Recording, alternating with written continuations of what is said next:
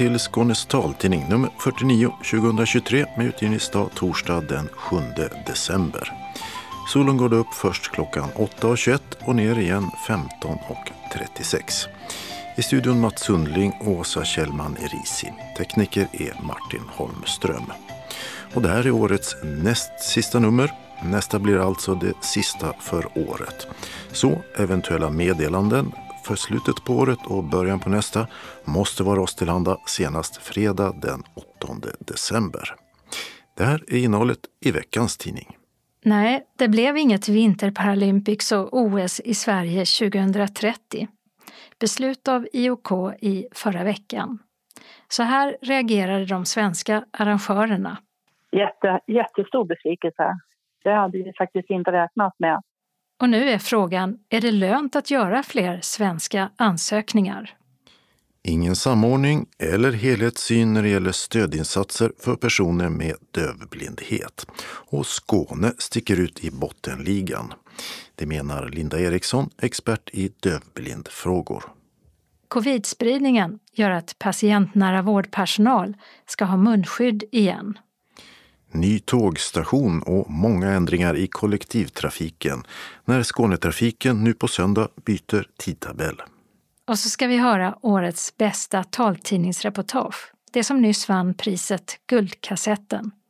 Där får vi möta poeten Mikaela Persson som berättar om färger hon aldrig sett. Julmånadens talbokstips kommer från Stadsbiblioteket i Kristianstad och bjuder på deckardrottningar, levnadskonst och underrättelseverksamhet. Öppnat och stängt med krogar och konst. Evenemangstips med syntolkad bio och jul och Lucia-evenemang. Kalendern med jordbävning och julgransflygning. Anslagstavlan är idag kort med ett par meddelanden och tillfälliga ändringar i kollektivtrafiken. Och tavlan är gemensam för hela Skåne. Allra sist, som alltid, redaktionsrutan. Nej, det blir inget svenskt vinter-Paralympics och OS 2030. I förra veckan beslutade den internationella olympiska kommittén, IOK, att säga nej till den svenska ansökan redan innan en sista gallring. Det var en stor besvikelse, säger Svenska paralympiska kommitténs ordförande Åsa Ginares Norlin. Jätte, jättestor besvikelse. Det hade vi faktiskt inte räknat med. Den här, hela ansökningsprocessen är i tre faser och vi var helt övertygade om att vi skulle gå in i den tredje fasen, att slutföra ansökan. Inte som enda land, men tillsammans kanske med ett, ett par andra länder i alla fall. Det hade vi nog räknat med. Så att det blev, eh, nej, det var på ett sätt ett chockartat besked ska jag säga. Ja, chockartat, hur då? Ja, men vi var nog så övertygade om det. Och eh, det finns ju ett antal internationell sportmedia som skriver och ja, de lägger väl örat mot rälsen någonstans de också och tycker att, att det svenska konceptet var bra.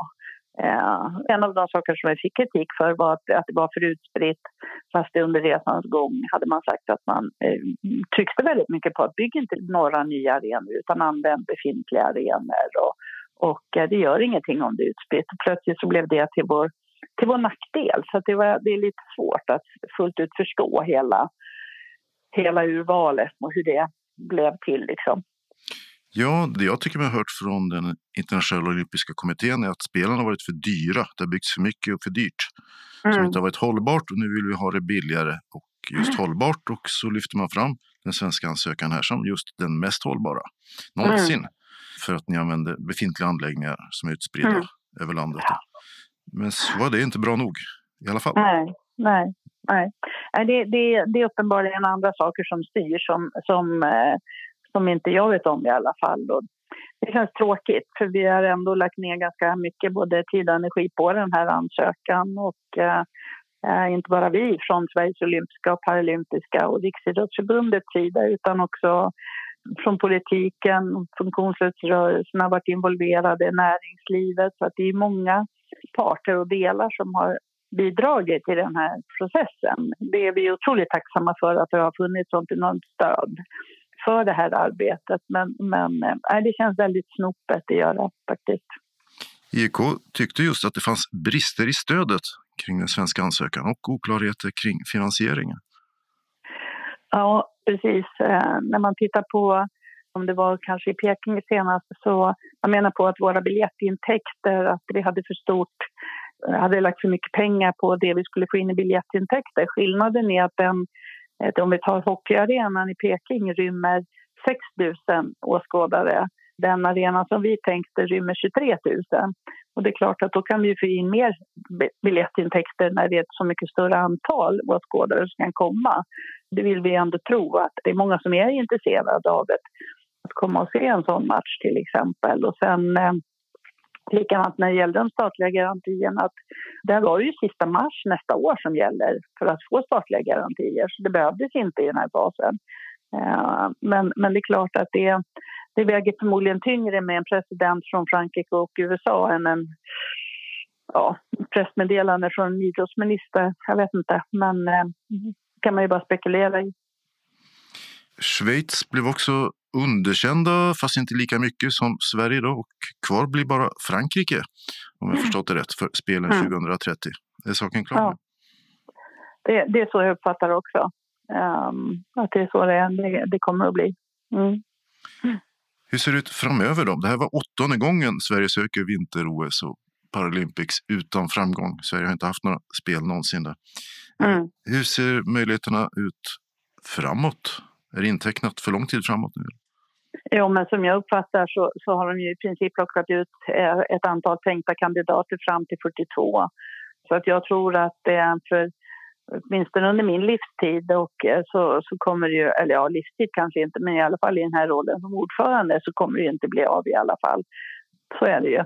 Så att det, um, men men jag, jag, jag, tänker samtidigt att vi har haft ett väldigt stort engagemang från så många andra parter och det finns ju andra mästerskap som man kan, eh, man kan söka. Nu gick ju till exempel skidskytte ut igår med att de ska söka VM 2031. Eh, och vi har ju också en del paraevenemang som vi kan söka till Sverige och eh, arrangera framöver. Så att vi får väl, vi får väl sikta in oss på det istället, tänker jag då. OS-drömmarna och Paralympics-drömmarna, de Eh, de, de får andra ta hand om.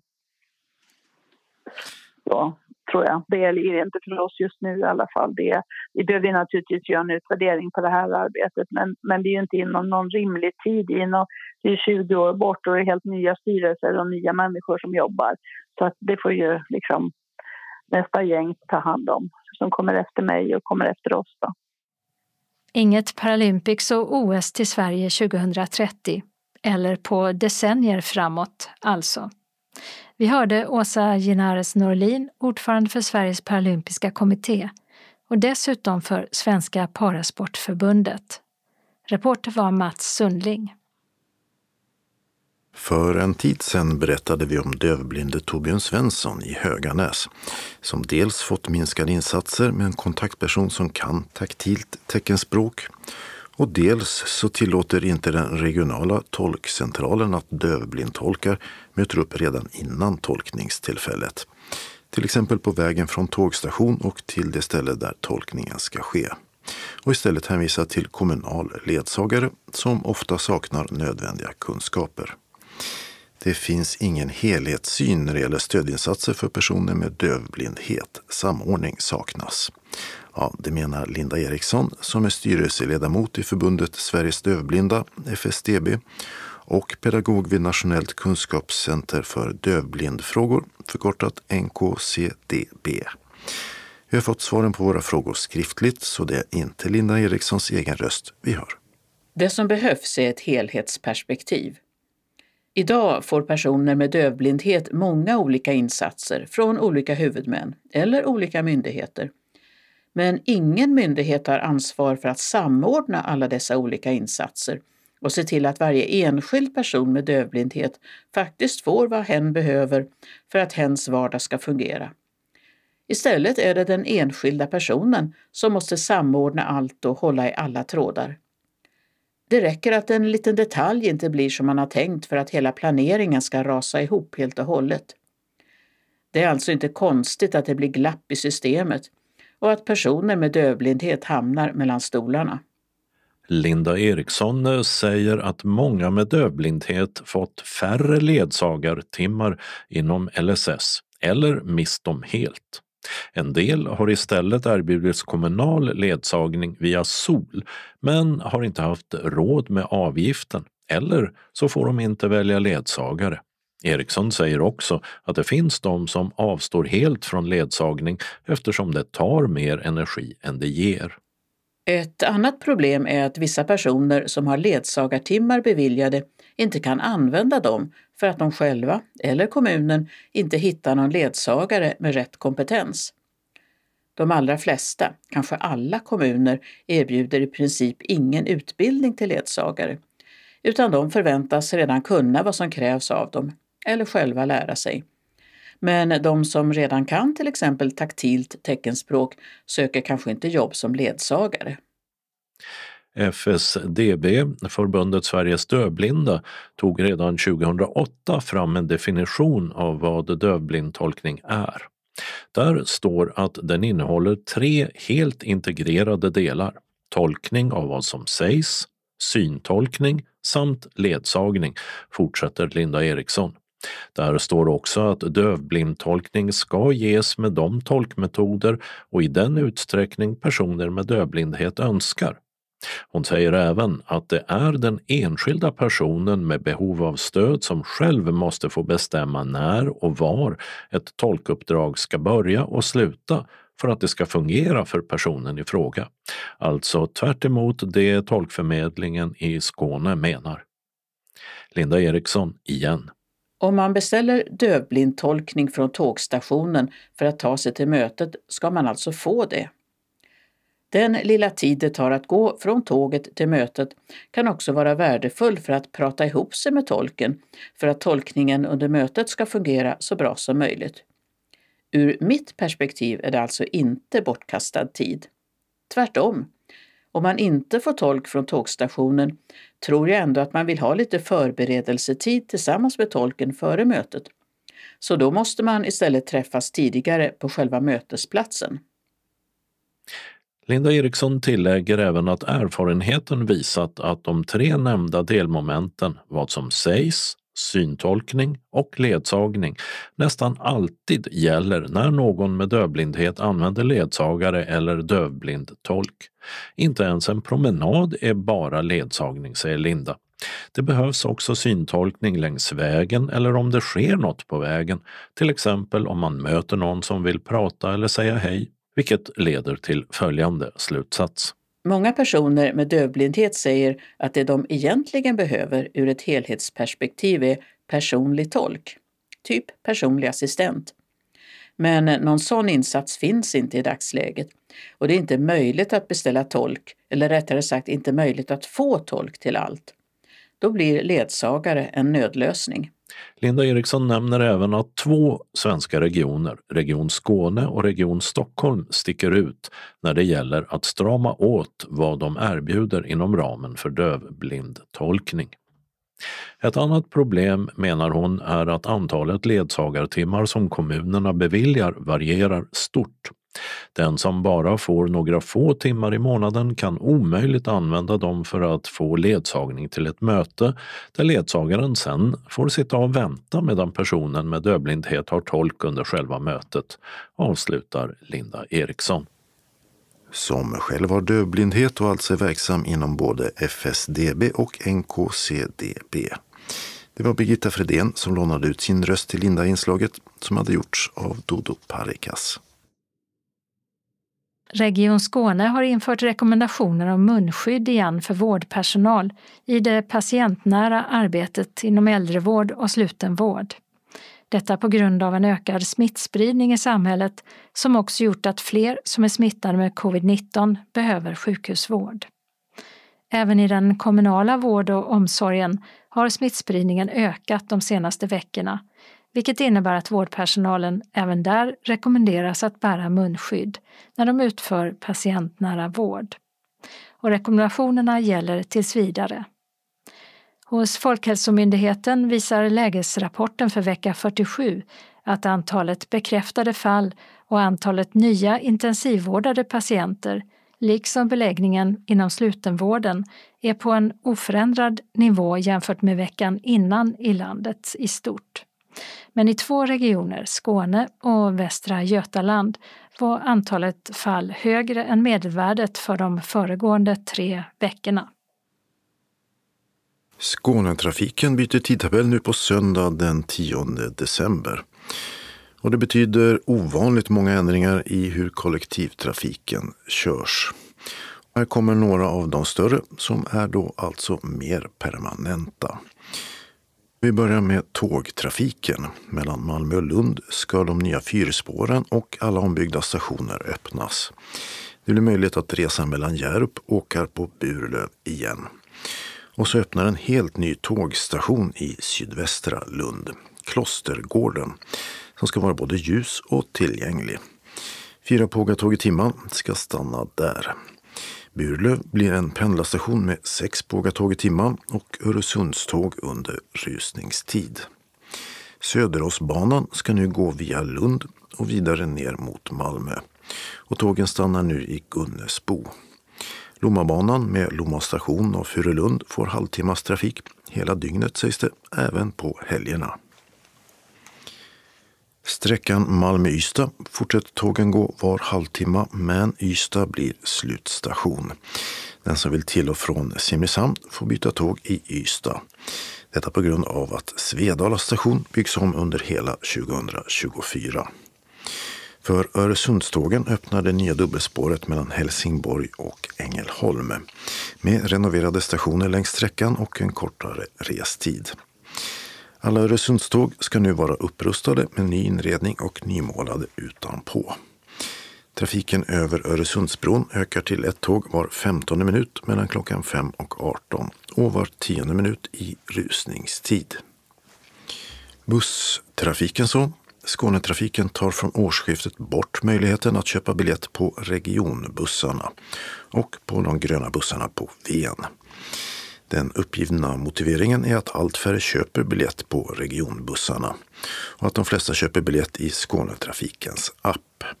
Resenärerna hänvisas till appen eller till att köpa biljett via hemsidan, i biljettautomat eller hos Skånetrafikens kundcenter och ombud. Och det finns också reskort man kan fylla med biljetter på samma ställen. Skånetrafiken uppmanar de som känner sig osäkra om detta att höra av sig till deras kundtjänst. Den nås på 0771 77 77 77. Svedala station byggs alltså om hela nästa år och för bussarna betyder det att hållplatsen Svedala station tas bort permanent. Regionbusslinjerna 143, 145, 153 och 165 liksom närtrafiken och anropsstyrda bussar kommer från och med söndag att stanna på hållplatsen Svedala Stortorget som blir en knutpunkt för busstrafiken. Och resenärerna får då ta sig till och från stationen på egen hand. Så till busstrafiken i nordvästra Skåne. Regionbusslinje 503 läggs ner när dubbelspåret öppnar mellan Helsingborg och Ängelholm. I Ängelholm ska den nya stadsbusslinje 3 delvis ersätta den och från Förslöv går tågen. Regionbuss 505 kommer att köra via Ramsjö istället för Hov. Hållplatserna Sönnerstorp, Påarpsvägen och Karup Bjärehem dras in. Flera nya hållplatser ska öppna på sträckan Västra Karup, Ramsjö och Torekov. Medan sträckan Torekov-Lugnet till Ystnahögen i fortsättningen kommer att köras av linje 502. I Ängelholm väntar en hel del nytt i stadsbusstrafiken. Flera linjer får rakare körvägar och även nattrafik. Alla busslinjerna anländer till Ängelholms station samtidigt, två gånger i timmen. Och även på hållplatsen Stortorget. Och tanken är att bytena ska gå enklare. Linje 1 slutar att köra på Västersjögatan och det innebär att hållplatserna Rågatan, Majsgatan, Tivoligatan och Södra sjukhuset försvinner men går till den nya hållplatsen sjukhuset Akuten. Stadsbuss 2 i Ängelholm stannar inte längre vid Barkåkra kyrka. Närmaste ersättare är Barkåkra station. Linje 3 går delvis i centrum som gamla linje 1 och ersätter delvis regionbuss 503 som ju försvinner. Och linje 3 går också mellan Ängelholms sjukhus och Villans vårdboende. Linje 4 får en ny körväg till Nyhem medan linje 3 går till Kroneslätt. I Landskrona ska stadsbusslinje 1 förlängas mot Säbyholm och framöver köra Emaljgatan, Idrottsvägen och Hjalmar Brantingsväg. Nya hållplatser blir Norra Spaljegatan, Guldängen, Ridhuset och Hjalmar Brantings väg. Hållplatsen Gläntan försvinner och hållplatsen Puls Arena trafikeras av regionbuss 260. Medan hållplats Kopparhögsvägen trafikeras av linje 2. I Helsingborg ska stadsbuss 2 ta över sträckan på Industrigatan från linje 22, vilket innebär trafik på kvällar och helger, vilket de inte har idag. Linje 24 ska köra via Elineberg istället. För de hållplatser som blir av med linjen finns det andra linjer som stannar där. För närtrafiken i Bjuv dras hållplatsen Billesholm Kyrkbacken in och ersätts med hållplatsen Snödroppsgatan. Så till nordöstra Skåne och regionbussarna först. Skåneexpressen 3 får en ny körväg i Kivik. Hållplatserna Kiviktorget, Kivik vandrarhemmet och Kivik Skogsdala dras in. Kivik får istället den nya hållplatsen Kivik centrum på väg 9. Skåneexpressen 4 slutar att köra mellan Brösarp och Kristianstad. De som vill vidare efter Brösarp får där byta till Skåneexpressen 3. I Kristianstad återgår stadsbuss 1 och 4 till sina ordinarie körvägar. Därför att Vartentornsvägen öppnar för trafik igen. Men hållplatsen Norretullsvägen ska vara stängd en tid till. I Hässleholm slutar alla stadsbussar, det vill säga linje 1, 2 och 3, att köra på söndagar. Och det var några av de större och mer permanenta ändringar av hållplatser och liknande som kommer nu på söndag. Som alltid ändras själva tidtabellerna och turer läggs till och tas bort. I anslagstavlan har vi som vanligt meddelanden av mer tillfälliga ändringar i kollektivtrafiken. Och den som vill veta mer kan alltså alltid nå Skånetrafikens kundtjänst på telefon 0771 77 77 77. Nu ska vi höra årets bästa taltidningsreportage. Det som vann priset Guldkassetten 2023. Och det är gjort av Aziza Dawadi. Och i det ska vi möta poeten Mikaela Persson innan hon i våras vann Katapultpriset. Det fick hon för sin debutdiktsamling En adept till mästaren av schack gör en inre färd i Sibirien. Hon berättar om resor hon aldrig gjort, om färger hon aldrig sett. Hennes inre värld är full av rött, gräddelint, ryska tåg och gourmandparfymer. Den är ju väldigt gedigen, lång. I svartskrift så är den ju 100, ska säga, 125 sidor. Det, det är ju väldigt, väldigt tjock diktsamling. Mm. Men jag tycker om att skriva långa dikter. Och, eller många. Jag vet inte, inspirationen bara flödar när jag skriver. En adept till mästaren av schack gör en inre färd i Sibirien. Det är titeln på Mikaela Perssons debutdiktsamling som kom förra året. Den är en av fem nominerade böcker till det prestigefyllda Katapultpriset från Författarförbundet som delas ut varje år till en lovande debutant. Mikaelas dikter rör sig mellan dröm och verklighet, Almåsa havshotell och Ryssland. Det är dofter, åtrå och blommor och så det berömda brädspelet. Den handlar om schack, rysk kultur, men framförallt mycket lesbisk kärlek. Och blommor och växter och... Ja, jag tycker om... Jag tycker om parfymer väldigt mycket så jag använder mig av parfymingredienser när jag skriver för att få lite inspiration. Mikaela sitter med boken uppslagen i knät och läser på punkt. Under snön. Jag behärskar inte ryska språket, är inget öppet fält av ryska blåstjärnor, men jag spelar piano om rök genom dygnets mörka sektioner. I drömdagboken står det om en svansjö. Mina tankar gräddas i en stor vedugn medan blåstjärnan gömmer sin blomma under snön. Lyft av mig täcket och sätt mig i bilen. Lägg en fodrad kappa över mina axlar så att nätterna blir en kattfärgad sarafan och jag förvandlas till en stark kvinna. Hon har skrivit poesi sedan hon var liten och försöken att få en bok utgiven har varit många. Men den här diktsamlingen har en, kan man säga, en tydlig tillblivelse. Ungefär sedan 17 februari 2017. Eh, för då var det en schackhelg på Almåsa. Jag tycker, om, jag tycker om att spela schack. Trots att jag inte är någon schackbegåvning sådär.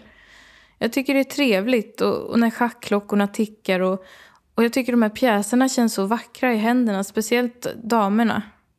Och gemenskapen på schackträffar tilltalar mig också.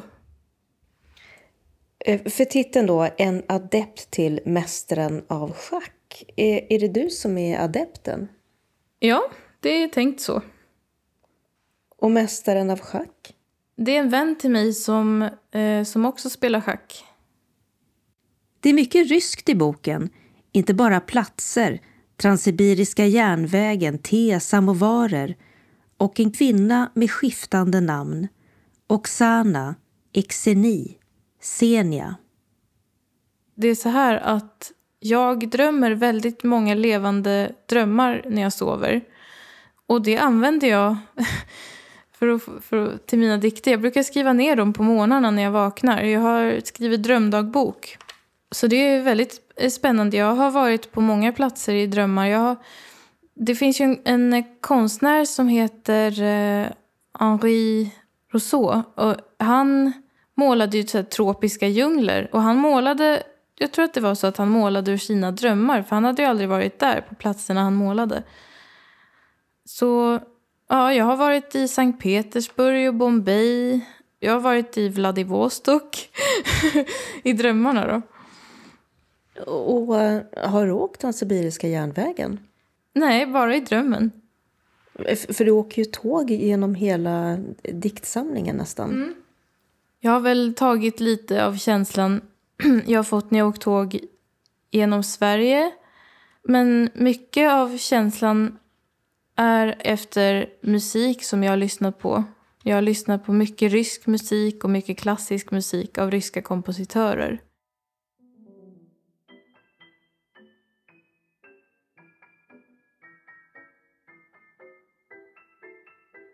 Pianostycket. Grädde, vodka, vanilj, praliné. Den frostbitna plommonälvan dricker i saknadens kammare. Svävar med dofterna i sitt långa hår. Jag dansar ballett i min smala garderob och du rör dig intill fast ibland förlorar jag dig På baksidestexten mm. eh, här på boken så står det om, om dig då att du är född 1995 och uppväxt i Stockholm. Och eh, att dikterna hämtar näring ur Almåsa havshotell i Västra Haninge, delikatessbutiken på Sankt Eriksgatan och lesbiska kärleksromaner från 1930-talet. Hon skriver även visor och är, är eh, kyrkosångerska. Men, men kärleksromaner från 1930-talet? Mm. Då skulle jag... Jag skrev lite... Inte fel direkt, men jag skulle ha skrivit att jag inspirerades av lesbisk litteratur från tidigt 1900-tal. Men det går, det går också det går att skriva kärleksroman. För att just på 30-talet, så, eller slutet på, av 20-talet, så blev det liksom en våg författarinnor kun, vågade ja, ge ut böcker eller skrev böcker om lesbiskhet för att det kanske för att det var aktuellt, blev aktuellt då. Varför vill du skriva om lesbisk kärlek? Därför att det, den är väldigt vacker och för att jag själv är lesbisk, tycker om kvinnor. Och den, den kärleken är väldigt vacker helt enkelt. I varje land har jag förstått att små flickor är det lätt att fastna för. Att komma ihåg vad alla hette förvisso inte något lätt det. Jag kallar dem ju bara för Sweetheart i London, chérie i Paris Älskling i Stockholm naturligtvis Sköne Frau de där böckerna de är så ljuvliga och underbara och de är så modiga. För att då var det ju inte accepterat. Så jag, jag tycker de är så vackra och så sorgliga på samma gång. Och den här ensamheten som finns i de romanerna, eh, den känner jag också ibland. För att eh, man tycker ju att det är så öppet nu och så, men det är fortfarande många som har frågetecken kring lesbiskhet. Och att man eh, hamnar i den där mörka saknadens kammare som... Jag tror att den lesbiska kärleken är ganska tidlös. Och det är kampen också, för kampen måste alltid finnas. För det kommer alltid finnas fördomar och så. Jag kan läsa en dikt som handlar om det. Blomman av vi. Det växte en blomma av vi. De andra stängde ögonen för bladens skimmer. Deras ögon log inte mot blomverket. Du tröttnade på osynligheten, gick ifrån mig en oktoberdag. Plommon är höstens söta frukt och jag är plommonälvan i saknadens kammare. Gråter i min smala garderob dit ingen går.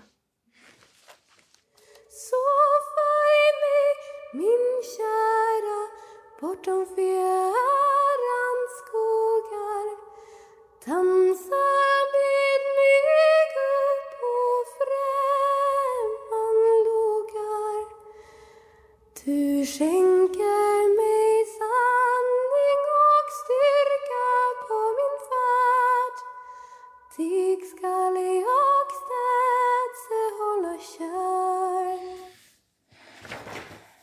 Mikaela Persson sjöng Barfota ut i mullen.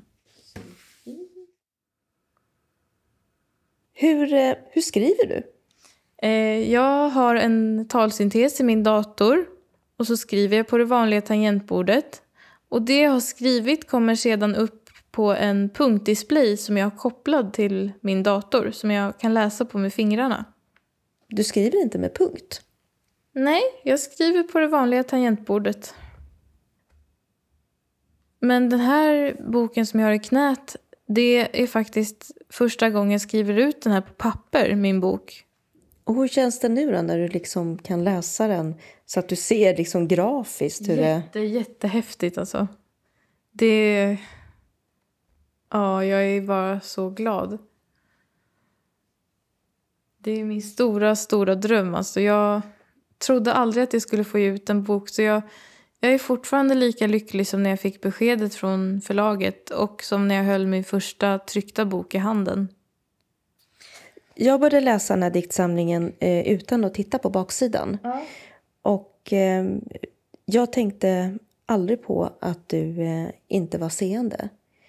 För, för mig var det, för det första är det ju jättemycket bilder av eh, växter och blommor och upplevelser. Så, och det var bara två små referenser i, eh, i två dikter. Den ena till Tomteboda som om man inte vet om det så kan ju det betyda vad, vad som helst. Mm. Det är bara ett namn. Och eh, vid ett tillfälle så, så säger jag slängde den vita käppen. Mm. Annars finns det inga som helst eh, referenser. Och eh, då när jag läste baksidestexten så tänkte jag varför var, var det viktigt att du är, en, är blind? Jag vet inte riktigt, men jag tänker att eh, jag tänker att det är en del av mig på något sätt. Och att jag ville eh, ja, berätta det. Det är många som har kommit fram till mig genom åren. Om man har gått på puben eller så här, var som helst och sagt Ja, men när ska du operera dig så att du blir seende? Kan man göra det? Ja, i det här landet kan man göra det. Det har jag läst. För din inre värld måste ju vara jättedålig alltså, när du inte ser. Stackars dig. Men min inre värld är så himla vacker. Så jag tror nästan att den är vackrare än, de, än det man ser. Jag är, jag är glad att jag är blind faktiskt. Hur ser dina drömmar ut? Om, om, du, eh, kunde, om du vill berätta det. Jag är ganska nyfiken. Jag känner dofter, smaker, jag ser ljus i drömmar. Jag vet inte om jag ser färger, för jag vet ju inte hur färger ser ut. Jag har ju, jag har ju en bild av färger. För att jag har någonting som kallas för synestesi. Det är någonting med, med hjärnan, med kopplingen mellan olika sinnen som, ja. Jag tycker till exempel att ljusa pianotangenter låter som ett glas kallt vatten smakar. Eller som känslan av sidentyg mellan fingrarna. Och mörker, det tycker jag, det är som hett vatten, mörker. Så mörker för mig är värme. Så du både känner och, och hör och, och, luktar saker mm. samtidigt till Jag ser vissa. färger också i röster och, och, dofter i röster. Men du har aldrig sett färger men, men ändå har en upplevelse av färger? Ja. Så jag... Eh, vanilj tycker jag smakar lila, eller gräddelin. Så ja, jag har lite annorlunda bilder av saker och ting kanske. Höstlöv. Idag delade en lärarinna ut höstlöv. De luktade vindrosig hud och hade röda ådror på ovansidan. Dina händer har formen av lönnlöv, de sköra starka flikarna av tyll, dina fingrar. Exenia, jag sitter i hörsalen. Det är som du tagit din parfymflaska och hällt innehållet i mina tankar. Sorry, det är lite mycket grejer här. Eh, en av de stora inspirationerna till Mikaelas skrivande finns i badrumsskåpet. Här är mina favoriter. Hon plockar fram den ena flaskan efter den andra. Det är La Vie Belle. Och det var den som var inspirationen till senaste? Ja, bland annat. Eh, sen finns det... Oj. Det här är Private, Private Collection. Den, vad innehåller den? Jag tror att det är apelsinblomma, hyacint. Ja, den är lite skogsaktig. Luktar som en natt. En sommarnatt. Men har du på dig eh, parfymen då när du skriver? Ja.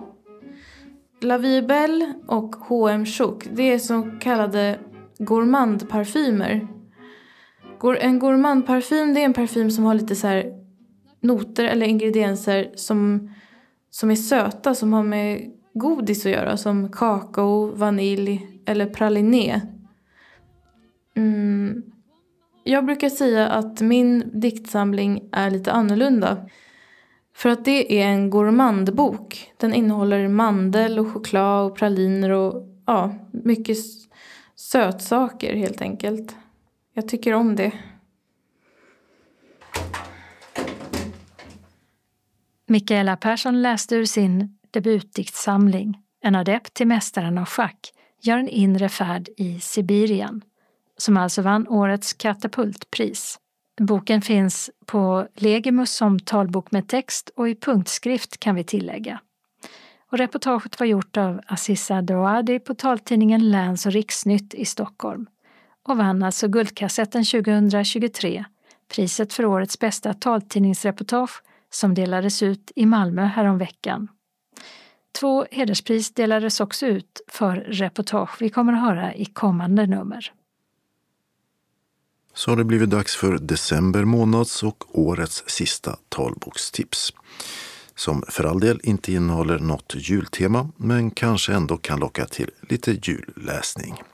Vi ska till Kristianstads stadsbibliotek där Stefan Sjölund och Jessica Sten bland annat bjuder på deckardrottningar och levnadskonst.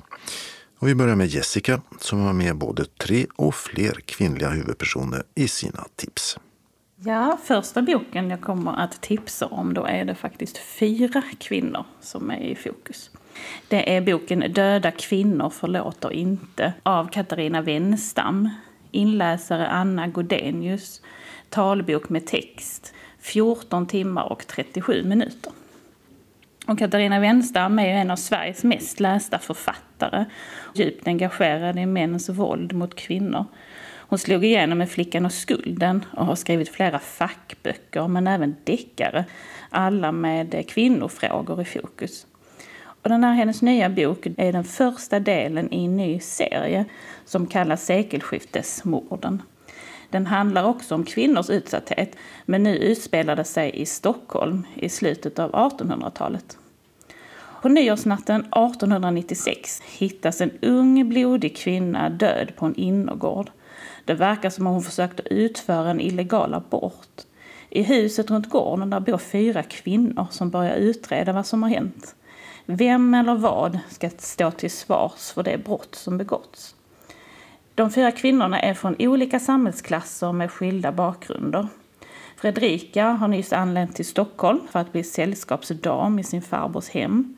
Hildur är dotter till portvakten hemsömmerska och sliter hårt för att få livet att gå ihop. Olga är änkefru efter en polisintendent, bär på många hemligheter och lämnar sällan sin våning. Och Edith, som är tjänsteflicka hos Olga och har ett mystiskt förflutet.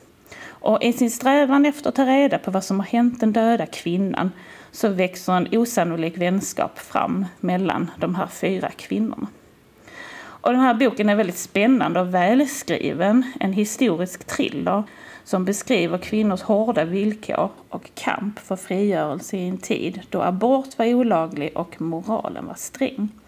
Den skildrar också kvinnors ställning och levnadsförhållanden i olika samhällsklasser och ger en levande bild av Stockholm vid sekelskiftet med många detaljerade beskrivningar av miljöer, byggnader, kläder och människor.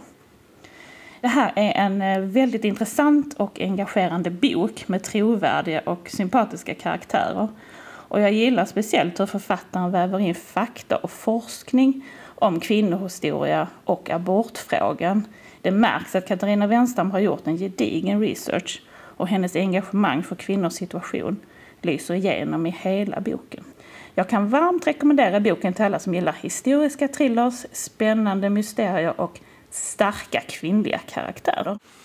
Och du Stefan, du har också kvinnliga karaktärer men det här är inte en eh, roman eller spänningsbok. Men det handlar om spänning. Just det, det är Karina Burmans Drottningar och pretendenter om guldålderns deckarförfattarinnor. Inläsare är Manika Bergström och det är en talbok med text på 14 timmar och 6 minuter. Det här är alltså en fackbok. Med tanke på ämnet så tycker jag att den platsar extra bra i det här sammanhanget med boktips. Karina Burman som är docent i litteraturvetenskap har både skrivit vetenskapligt och gett ut romaner och till och med tre historiska deckare. Under pandemin och under arbetet med en avhandling som hon tröttnade på lite så hann hon med att både läsa och läsa om en massa deckare. Och som resultat av allt läsande och funderande har det blivit en personlig samling essäer om kvinnliga deckarförfattare under vad man kan kalla guldåldern. Det är en tid som i Storbritannien sträcker sig ungefär från mellankrigstiden och i Sverige från 50-talet och framåt. Och sen drar hon en gräns ungefär vid hennes eget födelseår 1960. Efter en inledning där författaren berättar om deckargenrens uppkomst och utveckling över tid avhandlas sex brittiska deckardrottningar däribland Agatha Christie, Dorothy Sayers och P.D. James. Ett trettiotal svenska författare, mestadels pretendenter, behandlas också. Burman skriver personligt och initierat och om man är road av pusseldeckare så är det här en trevlig bok och dessutom så kan det hända att man får ett och annat lästips och kanske upptäcker någon ny författare. Ja, då ny i bemärkelsen ny för en själv. Fanny Alving, mamma till Barbro Alving, skrev till exempel en detektivhistoria redan 1918 som heter Josefssons på Drottninggatan. Och den finns faktiskt inläst som talbok. Ett annat exempel är Lolo Forsell som med Modig pingst från 1953 också finns inläst för den intresserade. Det här med att upptäcka någon ny författare, upptäckte du någon ny författare? Ja, flera stycken faktiskt. Och eh, så kollade jag också vilka som fanns inlästa. Det var ganska många ändå som fanns, även om de var rätt så obskyra en del. Va? Så att de har man inte alls hört namnet på. Lolo Forsell till exempel. Och det är ju intressant, det såg jag också att det fanns en biografi som inte är inläst som handlar om Lolo Forsell. För att hon hade ett ganska äventyrligt liv. Ja, till exempel vid ett tillfälle var hon ju inlåst på Beckomberga mentalsjukhus eller något, och då flydde hon med en pojkvän i ett privatflygplan därifrån. Så det, eh, hon verkar vara en intressant människa. Och då fortsätter vi med... Nästa bok det är Svartstick av Sara Parborn. Inläsare Ylva Törnlund. Talbok med text 11 timmar och 14 minuter. Och Svartstick är en roman som väver samman tre kvinnors livshistorier. Boken är uppdelad i tre delar där varje del följer en av kvinnorna. Paula, Gunni och Anita.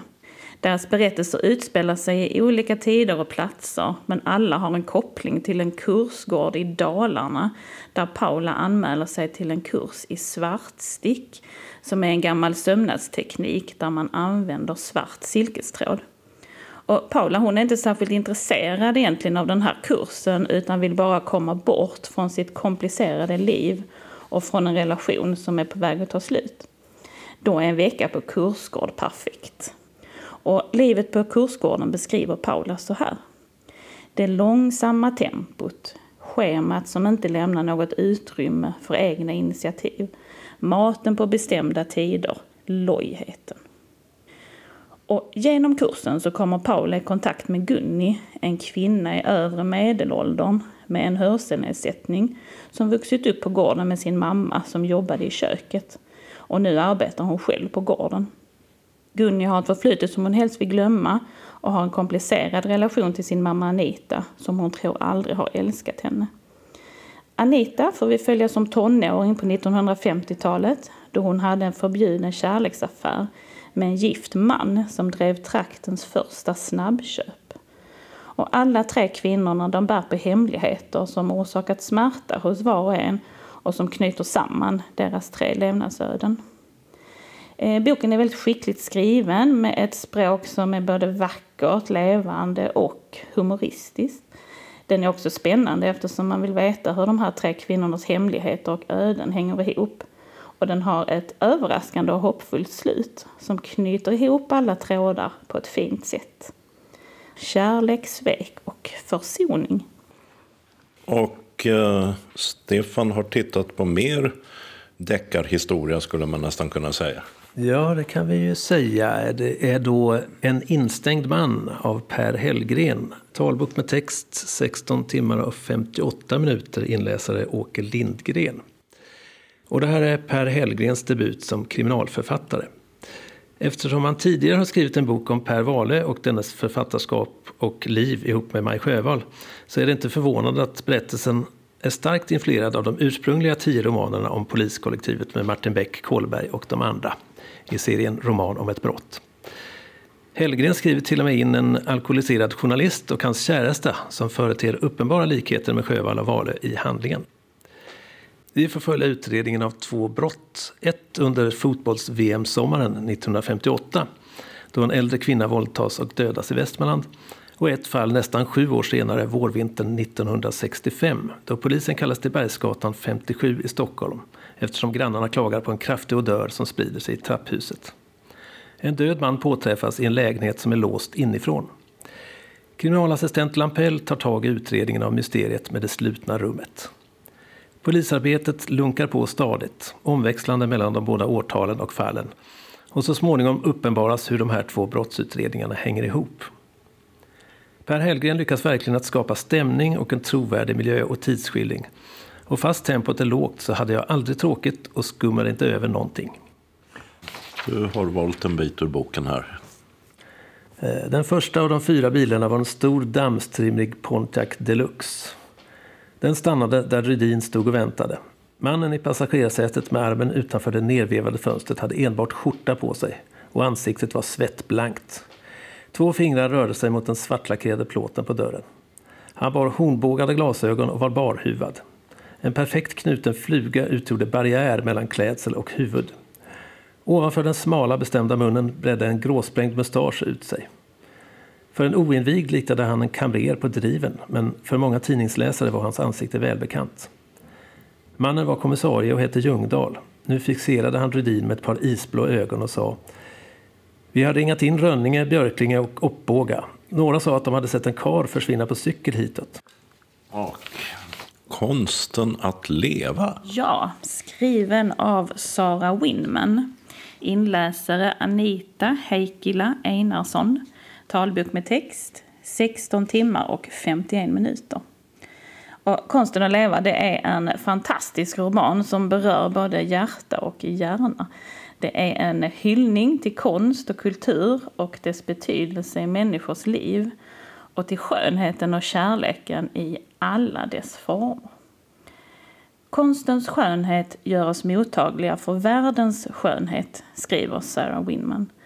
Och den får oss att ändra på våra uppfattningar och värderingar, förevigar det flyktiga. Boken den handlar om Ulysses Temper, en ung brittisk soldat döpt efter en greyhound som hans pappa satsade alla sina pengar på. I andra världskrigets Florens möter han Evelyn Skinner, en äldre konsthistoriker som vill rädda konstverk under krigets förödelse. Deras samtal om konst och livet blir avgörande för Ulysses framtid som efter kriget tar honom tillbaka till London och ett jobb som allt i allo på en pub. På puben håller en originell samling människor till och eh, då Ulysses oväntat får ett arv som för honom tillbaka till Florens så följer flera av dessa med honom dit.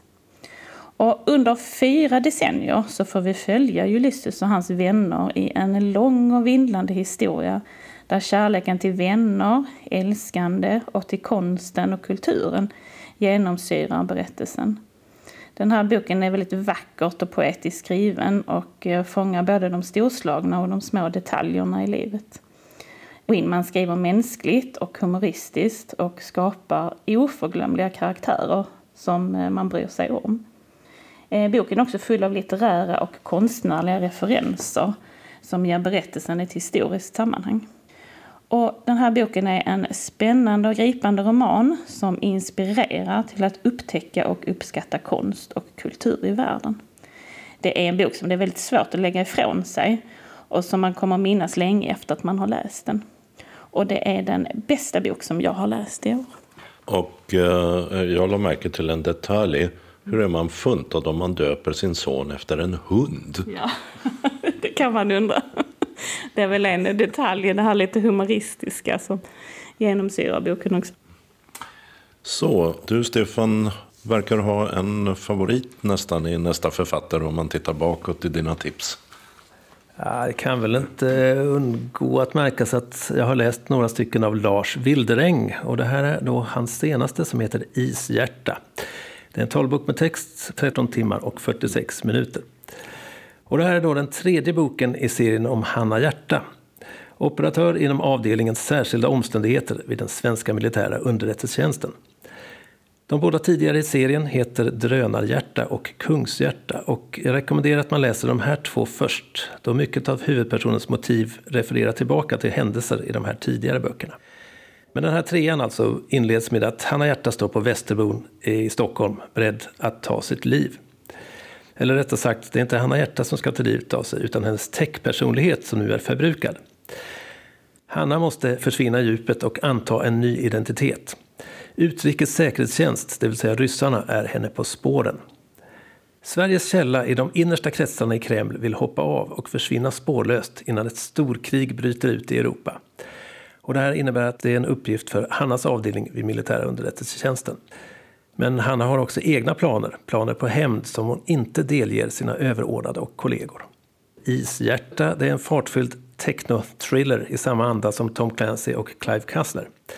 Det är helikoptrar, det är flygplan, ubåtar, hackande av datorer, spionkameror, dolda mikrofoner och skjutvapen som gäller. Men själv har jag inget emot lite eskapism då och då och Lars Wilderäng skriver fartfyllt utan döda punkter. Storkrig, Ryssland, hur pass aktuell i tiden känns eh, berättelsen trots att det är eskapism? Den är ju mycket aktuell. Lars Wildring är ju lite, han har ju en blogg och sådär och han är ju ganska, ja, tycker väldigt mycket om försvarspolitik och utrikespolitik och sådär. Och verkar ju ganska insatt också. Och den här boken utspelar sig 2020 sådär ungefär. Och en del av de här planerna som smugglas ut från Kreml, där innehåller det mm, lite särskilda specialoperationer mot vissa mål. Till exempel Ukraina. Avslutade Stefan Sjölund som tillsammans med kollegan Jessica Sten på Kristianstads stadsbibliotek hade sammanställt december månads talbokstips. Och de böcker de valt ut och läst var Döda kvinnor förlåter inte av Katarina Wenstam, Drottningar och pretendenter om guldålderns deckarförfattarinnor av Karina Burman, Svartstick av Sara Paborn, En instängd man av Per Hellgren, Konsten att leva av Sara Winman och Ishjärta av Lars Wilderäng. Dessutom nämndes Josefssons på Drottninggatan av Fanny Alving samt Mord i pingst av Lollo Forsell. Reporter i Kristianstad var Dodo Parikas. Öppnat och stängt. I Hässleholm har Noras restaurang och pizzeria öppnat på Storbygatan 10. Där serveras lunchbuffé med specialiteter från Balkan och så pizza på kvällen. I lokalen låg tidigare Pizza Viking. I Osby har Gerant konst och hantverk öppnat på Klockaregatan 10.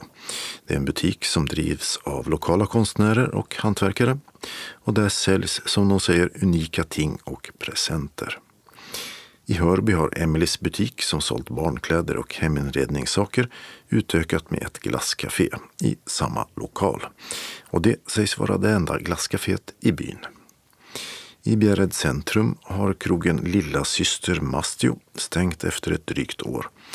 Och i lokalen på Vikingavägen 1 planerar nu restaurangen Il Brigante att öppna. Modekrogen Mastio i Limhamn finns kvar. I Malmö har danska kedjan Normal öppnat butik i köpcentrat Hansas källarvåning mittemot ICA-butiken. Samt på Triangeln i Lindex gamla lokaler på Södra Förstadsgatan 31. Sen tidigare finns Normal också på köpcentrumen Mobilia, Triangeln, Emporia och Kronprinsen samt på Södergatan 22 i en lokal där det tidigare legat kaféer. Normal säljer vad de kallar för tråkiga saker, typ shampoo och smink till låg pris. Och sen starten för fem år sedan har de expanderat. I Skåne finns deras butiker också på Nova i Lund, i Helsingborg på Väla, Södergallerian och Magnus Stenbock-gallerian i Kristianstad på Galleria Boulevard och på C4 Shopping. Dessutom på Burlöv Center, Valengallerian i Trelleborg och slutligen i Ystad på Stora Östergatan 13. I Malmö har den danska kaffe och juicebarkedjan Joe and the Juice öppnat på Södra Förstadsgatan 15. Deras fjärde etablering i stan. I lokalen har tidigare bland andra klädaffären Bickbock huserat. Evenemangstipsen börjar med syntolkad film. Filmen Scrapper har fått syntolkning och uppläst text för bio. Den handlar om 12-åriga Georgie som klarar sig helt själv genom att sno cyklar med sin vän Ali. Efter att hennes mamma gått bort i cancer och pappan stuckit iväg blir hon expert på att manipulera alla vuxna som stör. Men när pappan kommer tillbaka försöker hon manipulera honom vilket stöter på svårigheter. Filmen är tillåten från sju år.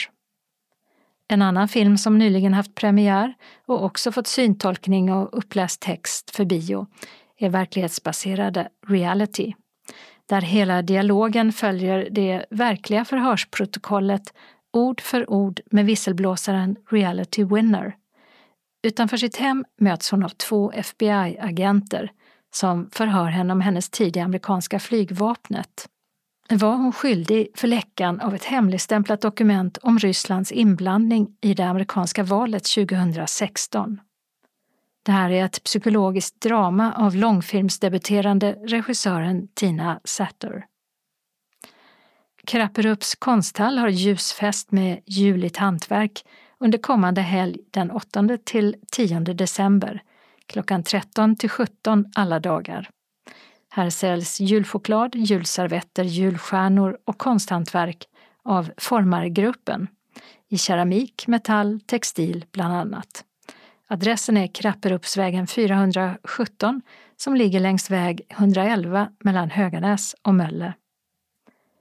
I Allhelgonakyrkan i Lund är det julkonsert med Lunds vokalensemble nu på lördag den 9 december klockan 18.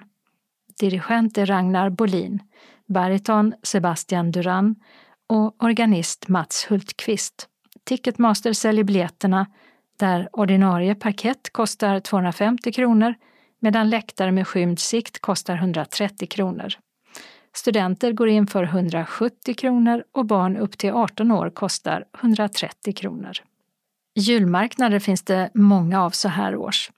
I Lund är det till exempel en på Botulfsplatsen den 9 december klockan 10 till 16. Samma datum är det julmarknad på koloniområdet Täppan i samma stad, Kastanjegatan 19 mellan 12 till 15.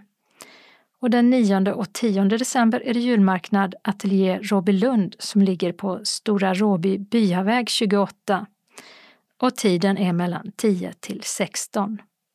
I Västra Vemmenhög är det inomhusloppis den 10 december mellan klockan 10 till 13 i den gamla skolan i byn. Det är också möjligt att besöka skolmuseet och den gamla gymnastiksalen. Kaffe och kaka finns att köpa, men parkering och inträde är gratis. Malmö Lucia med följe sprider sitt ljus på flera ställen där det går att delta. Söndagen den 10 december klockan 14 kommer Lucia-tåget till Barnens scen i Folkets park. Luciadagen den 13 december klockan 7.45 på morgonen sjunger de på Stadshusets trappa. Senare samma dag klockan 17.30 är det Lucia-kortege med facklor och trumkår som startar från Malmöhus slott. Klockan 18 är det konsert från residensets balkong på Stortorget. Det är också Lucia-morgon på Malmö Live den 13 december klockan 8.15 med sångare ur Lunds akademiska kör och Palestra vokalensemble samt Lucia-tåg. Men här krävs biljetter som säljs av Malmö Live för 140 kronor. Och i Malmö kyrkor är det till exempel Sankt Paulis Lucia-konsert den 13 december klockan 19 med körerna Vox Nova, Sorella och Gaudamus. I Helsingborg är stadens Lucia-firande på Gustav Adolfs torg klockan 12 den 13 december och konsul Olssons plats klockan 15. Och det traditionsenliga Lucia-tåget arrangeras av gymnasieskolan Mega Musik. I Simrishamn kan man lyssna till Lucia och hennes följe i Sankt Nikolai kyrka klockan 19, också den 13 december. Det är ungdomskören Grace som under ledning av Charlotte Holmgren Nemet sjunger. Under the Mistletoe, An Andrews Sisters Christmas heter en trestämmig julshow som ges på Kulturkvarteret i Kristianstad, Lilla salen, den 17 december klockan 15 till 16.10. Och där just dessa systrars musik hyllas och även Bing Crosby med flera. Det utlovas finstämda klassiker och svängiga hits i denna musikaliska resa till 40-talets Amerika. Sång av Sara Wendelford, Lotta Hedberg och Maggie Bergman. Örjan Bertilsson piano, Jonas Castell kontrabas och Pelle Trasan Jonasson trummor. Ordinarie biljetter som säljs av Kulturkvarteret kostar 225 kronor. Pensionärer går in för 195 kronor och samma pris för ungdomar upp till 20 år. I priserna ingår inte serviceavgiften som är på 25 kronor. Biljettinformation. Ticketmaster 077 170 70 70 Kulturkvarteret i Kristianstad 0709 20 58 04 Tixter 0771 47 70 70 Julius 0775 700 400 Kalendern för vecka 50 börjar med måndagen den 11 december då Daniel och Daniella har namnsdag. Och denna dag planerar Blekinge flygflottilj F17 att genomföra årets julgransflygning över södra Sverige. Då stridsflygplanen flyger i en formation som påminner om en julgran. Någon exakt tid finns det inte ännu och inte heller vilka platser som flygplanen kommer att flyga över. Blir det dåligt flygväder så är reservdatum den 12 december. Kungen och drottningen håller tillsammans med kronprinsessan Victoria och prins Daniel en middag på slottet i Stockholm för årets nobelpristagare. Sveriges första hovdansare, Anneli Alhanko, fyller 70 år. Under sin långa karriär var hon ofta anlitad för att dansa på scener utomlands. Men under hela karriären så var hon knuten till Kungliga Balletten i Stockholm. Anneli Alhanko är den hittills enda svenska som inbjudits att dansa vid Bolshoi-balletten i Moskva. Och hon har också som en av få i världen förärats titeln Prima Ballerina Assoluta. Tisdagen den 12 december har Alexander och Alexia namnsdag. I Kenya firas nationaldag och att man gör det just denna dag beror på att Kenya blev självständigt från Storbritannien för 60 år sedan. Kenya har kring 55 miljoner invånare, varav en hel del bor i huvudstaden, tillika största staden Nairobi, som är en mångmiljonstad. Och staden som kallas The Green City in the Sun ligger högt på nästan 1700 meters höjd. Det är 160 år sedan konstnären Edvard Munch föddes. Många av hans målningar, inte minst Skriet, är världsberömda. Och I sina memoarer skrev Munch några rader om den expressionistiska tavlan där man ser en människogestalt vid ett räcke som håller händerna kring sitt smala ansikte och där munnen ser ut som den skriker och ögonen är uppspärrade. Jag gick längs vägen med två vänner då solen gick ner och himlen plötsligt var knallröd. Jag stannade och lutade mig mot dödens räcke, över den blåsvarta fjorden och stadens blod och tungor av eld. Mina vänner gick vidare och jag blev kvar, skakande av ångest. Och jag kände hur naturen gav ifrån sig ett ylande skri. Och i Oslo, där Edvard Munch föddes, men som då hette Christiania, finns Munkmuseet och konstnären testamenterade alla sina konstnärliga arbeten till Oslo stad, som hundra år efter hans födelse uppförde museet där man också kan se skriet bland många andra av konstnärens verk.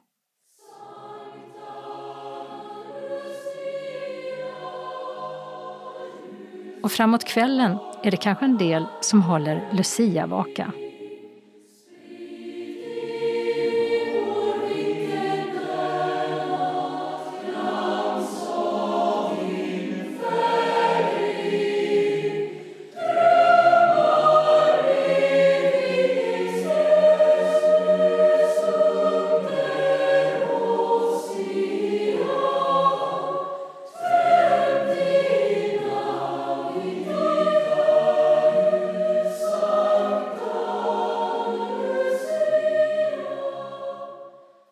Onsdagen den 13 december är det Lucia-dagen och namnsdag har såklart Lucia.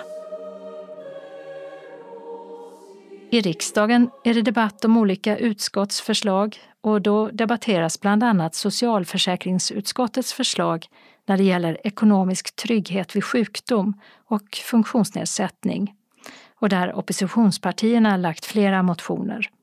Debatten går att följa via riksdagens webb-tv från klockan nio på morgonen. För 20 år sedan greps den irakiske avsatte diktatorn Saddam Hussein av kurdiska och amerikanska styrkor i en jordkällare eller håla där han gömt sig utanför hemstaden Tikrit. Han dömdes senare till döden och avrättades. För 490 år sedan, 1533, föddes Erik den XIV, kung av Sverige mellan 1560 och 1568. Han var Gustav Vasa och Katarina av Sachsen-Lauenburgs äldste son och såg som riktig renässansfurste. Under sina åtta år vid makten förvärvade han Estland och det nordiska sjuårskriget startade 1563. Han beordrade också de så kallade Sturemorden, där han lät mörda tre medlemmar av ätten Sture som han trodde var fiender. Men åren som regent slet hårt på hans mentala hälsa och hans halvbror lät spärra in honom och gjorde sig själv till kung med namnet Johan den tredje. Efter att Erik hade suttit fången i åtta år på olika slott så avled han 1577 av arsenikförgiftning. Torsdagen den 14 december är det Sten och Sixten som firar namnsdag. I Bryssel är det höstens sista ordinarie EU-toppmöte och i riksdagen är det debatt om förslag. Och då gäller det bland annat arbetsmarknadspolitik och arbetslöshetsförsäkringen, där hela 32 motioner kommit in. Och de handlar bland annat om artificiell intelligens, AIs betydelse för framtidens arbetsmarknad och skola. Och debatten direktsänds via riksdagens webb-tv. Fredagen den 15 december har Gottfrid namnsdag och lördagen den 16 december är det Assars tur att fira namnsdag. För 15 år sedan klockan 6.20 på morgonen skakade det rejält i många hem i Skåne när det största jordskalvet på över 100 år i Sverige med magnituden 4,2 berörde Sydsverige, Danmark och ända bort i Tyskland och norra Polen kunde man känna av skalvet. Och epicentrum var någon kilometer utanför Blentarp. För 250 år sedan inleddes det som kommit att kallas Boston Tea Party, då te slängdes över bord från ett fartyg utanför staden som protest mot engelska tullar och som blev starten på den amerikanska revolutionen. Söndagen den 17 december är det tredje advent och dagens namn är Stig. I Serbien är det val till parlamentet. Detta efter att flera oppositionspartier har uppmanat till nyval efter en våldsvåg som de inte tycker att regeringspartierna gjort tillräckligt mycket för att stoppa. Och därför har presidenten Aleksandar Vucic utlyst nyval till parlamentet mindre än två år efter det senaste valet som hans partiallians vann. Och till sist i denna veckas almanacka en liten visdom från bondepraktikan. Kall december med mycket snö lovar gott år. På snöår följer rikt år. Mycket snö betyder mycket hö. Anslagstavlan är idag bara lokal och innehåller också några tillfälliga ändringar i kollektivtrafiken. Synskadades förening Kristianstad-Bromölla samt Östra Göinge bjuder in sina medlemmar till Knutsfest. Onsdag den 10 januari klockan 13 till 16.30 i Östermalmskyrkan på Lasarettsboulevarden 6. En lättare lunch och fika serveras. Gittan Bergholtz underhåller oss med dansbandsmusik och country. Anmäl deltagande senast onsdag den 27 december till Anita S på telefon 044 533 09. Om Anita inte kan svara, var vänlig anmäl till telefonsvararen så hör hon av sig. Glöm inte att uppge ditt telefonnummer. Anmälan kan också göras via mejladressen anitasvensson109 gmail.com. Ange eventuell matallergi. Varmt välkomna hälsar styrelsen. SRF Västra Skåne meddelar att de investerat i en akustisk ledfyr. Den sitter ovanför ytterdörren på den sidan där dörrhandtaget finns. Höger sida om man står utanför och tittar in. Den är aktiv när det finns personal på plats och när det ska komma medlemmar som vill hitta fram till ytterdörren. Eftersom vi hyr vår lokal i ett hyreshus är den bara igång när den kan göra nytta. Detta för att inte störa och irritera andra hyresgäster. Ledfyren är inställd för att ge en tydlig och lätt igenkännlig signal. När man kommer på trottoaren och hör signalen vet man att man ska följa den och det vita taktila stråket fram till dörren. Till höger om dörren finns en tryckknapp. Tryck hårt på den så hörs en signal i lokalerna och någon går för att öppna dörren. Pass på att den svänger upp till vänster. Styrelsen för SRF Västra Skåne hoppas att detta ska vara till god hjälp för våra medlemmar att komma till våra aktiviteter. Synskadades riksförbund Ängelholm-Båstad har en inbjudan till Lucia-firande med både Lucia-tåg och julklappsbyte den 13 december klockan 12.45 till 16 i vår lokal på Gasverksgatan 25 i Ängelholm. Även detta året kommer gymnasiekören från Kulturskolan till oss och sjunger och lussar. De sjunger stämningsfulla sånger om Lucia och den annalkande julen. Vi kommer att bjuda på kaffe och lussekatt, pepparkaka och ett litet glas glögg. Du som vill vara med och byta julklapp kan ta med en som är värd cirka 100 kronor.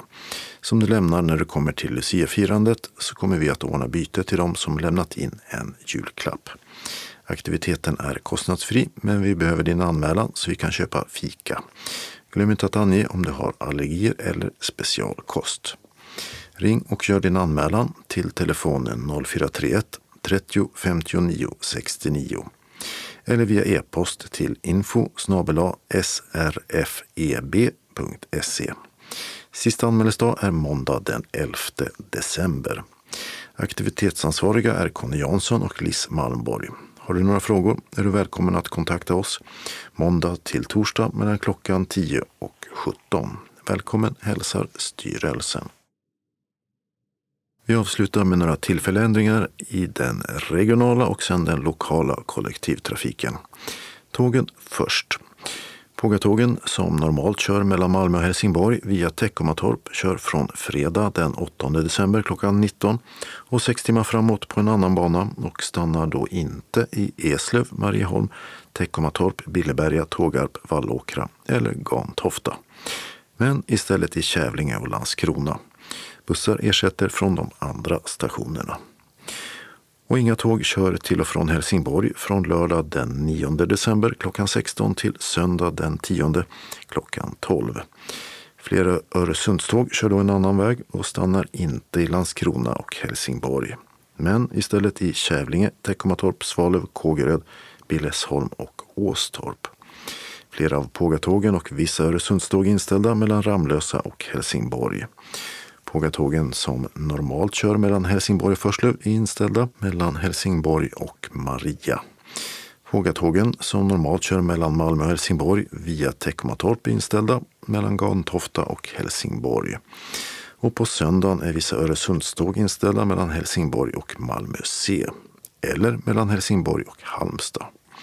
Bussar ersätter mellan Ramlösa och Helsingborg, mellan Helsingborg och Maria och mellan Helsingborg och Ängelholm. På lördagen ersätter bussar även mellan Kontofta och Helsingborg via Ramlösa. Ett tredje tågarbete gör att tågen mellan Oxie och Skurup är inställda från midnatt mellan lördag och söndag till klockan 4.50 natten mot måndag den 11 december med bussar som ersätter. Regionbussarna så i Lomma börjar på måndag den 11 december klockan 7 ett VA-arbete på Vinstorpsvägen och Kastanjevägen som får buss 132 och 139 att ta en annan väg. Fram till den 22 december klockan 16 är hållplatsen Lomma station stängd i bägge riktningar. Och istället finns i väster den tillfälliga hållplatsen Strandvägen på just densamma. Ett tiotal meter norr om korsningen med Vinstorpsvägen. Stängde också hållplatsen Poppelgatan. Och här ersätter norrut den tillfälliga hållplatsen Industrigatan på gatan med samma namn och den tillfälliga hållplats Nybrovägen 640 meter åt nordost från stationen, också den på Industrigatan. Och till sist en ändring i den lokala busstrafiken. I Helsingborg har ett arbete på Mogatan försenats och stadsbuss 25 hållplats Pinmogatan som skulle öppnat i fredags fortsätter nu vara stängd med tillfälliga stolpar 120 meter söderut på Mogatan. Den 22 december klockan 16 ska allt vara som vanligt igen.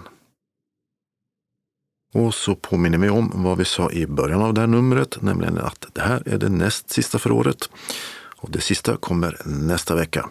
Så eventuella meddelanden för slutet på året och början på nästa måste vara oss tillhanda senast fredag den 8 december.